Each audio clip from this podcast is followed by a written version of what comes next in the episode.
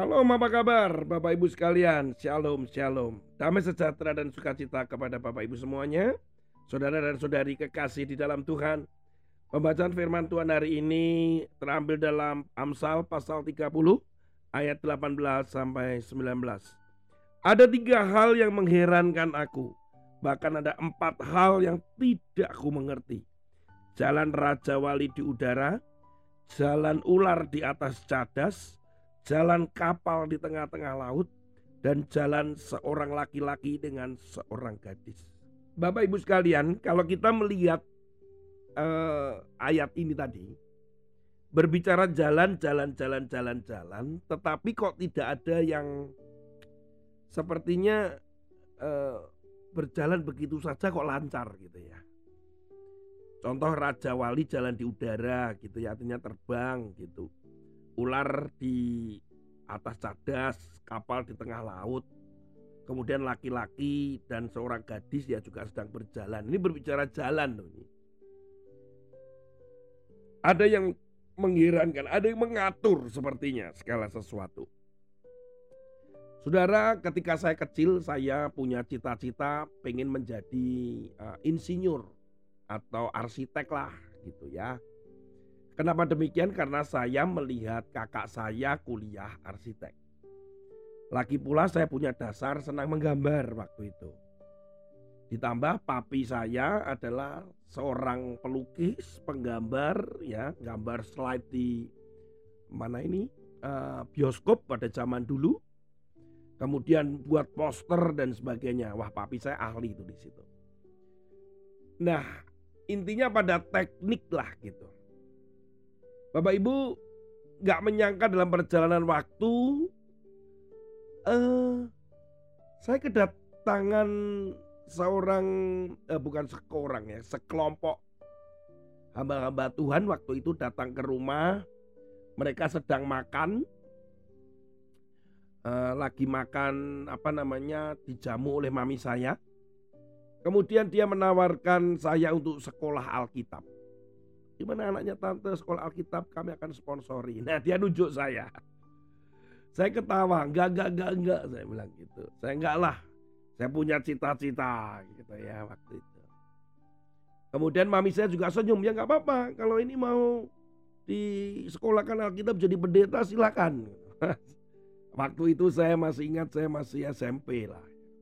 Kelas 2, kelas 1. Tetapi setelah itu malah saya kelas 3 naik kelas 1 SMA saya bertobat terima Tuhan Yesus. Malah saya punya cita-cita mau melayani Tuhan penuh waktu. Jadi lihat tuh pasang surut itu jalan itu pasang surut. Pengen jadi arsitek, kemudian diminta untuk sekolah kitab um, jadi pendeta nggak mau, setelah bertobat mau, wah saya mau gitu. Tapi saya pikir, waduh saya kuliah psikologi dulu sajalah. Setelah itu nanti sekolah Alkitab. Ternyata dalam perjalanan waktu saya sudah urung untuk menjadi pendeta. Wah, psikolog aja karena saya punya cita-cita, saya bekerja di perusahaan dan sebagainya. Saudara, ujung-ujungnya hari ini saya jadi pendeta seorang hamba Tuhan.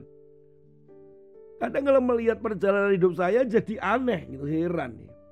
Saya lebih tertarik pada kata-kata jalan itu. Setiap orang ini punya jalan. Saudara dan saya ini juga punya jalan yang ditentukan oleh Tuhan, bukan berarti kita ini seperti robot.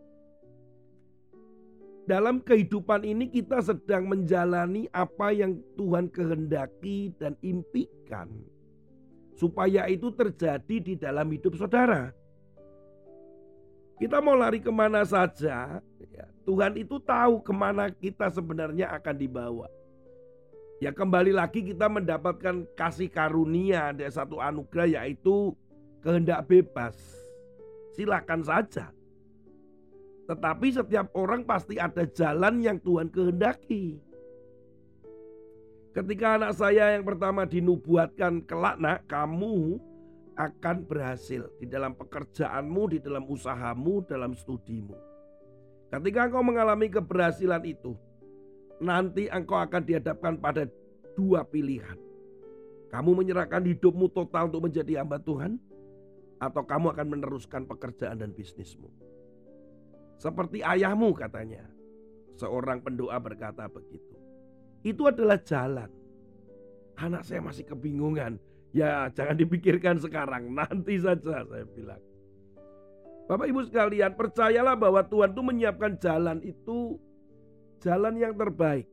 Walaupun mungkin kita terseok. Saya masih ingat lagu sekolah minggu itu ya. Jalan yang lebar dan jalan yang sempit mana yang kau pilih? Yang lebar mati, yang li, apa yang besar jiwamu mati, yang sempit berglori katanya begitu. Saudara, mungkin sempit itu tidak banyak orang yang suka. Apa yang Tuhan mau juga banyak nggak suka. Hari-hari ini juga saya menemukan orang yang antara pindah Surabaya tetap di Surabaya atau pindah Kupang. Dua-duanya berat buat dirinya. Tetapi saya berkata bahwa setiap kehendak Tuhan itu biasanya nggak enak. Itu bertentangan dengan sesuatu yang kita sukai. Pilihlah kehidupan saya bilang. Karena situ ada jalan-jalan yang baik. Firman Tuhan di dalam Mazmur 19 ayat 1 sampai 3. Langit menceritakan kemuliaan Allah dan cakrawala memberitakan pekerjaan tangannya. Hari meneruskan berita itu kepada hari dan malam menyampaikan pengetahuan itu kepada malam. Tidak ada berita dan tidak ada kata, suara mereka tidak terdengar. Hari demi hari Tuhan izinkan terjadi dan berjalan terus. Pastikan di dalam hidup saudara, saudara dan saya ada di jalannya. Ada di dalam rencananya. Ada di dalam tujuannya di dalam hidup saudara.